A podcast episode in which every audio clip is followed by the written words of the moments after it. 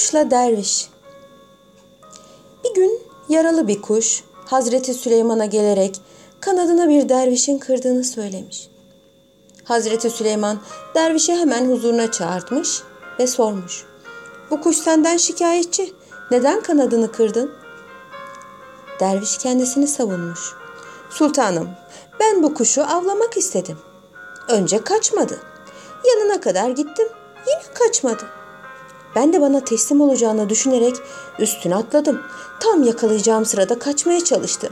O esnada da kanadı kırıldı.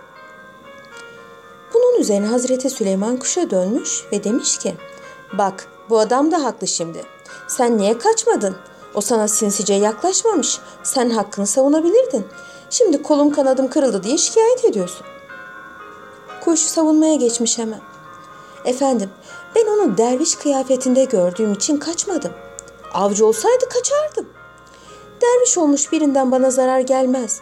Bunlar Allah'tan korkarlar diye düşündüm ve kaçmadım. Hazreti Süleyman bu savunmayı doğru bulmuş ve kısasın yerine getirilmesini istemiş. Kuş haklı. Hemen dervişin kolunu kırın diye emretmiş. Kuş o anda efendim sakın öyle bir şey yaptırmayın diyerek öne atılmış. Neden diye sormuş Hazreti Süleyman. Kuş sebebini şöyle açıklamış.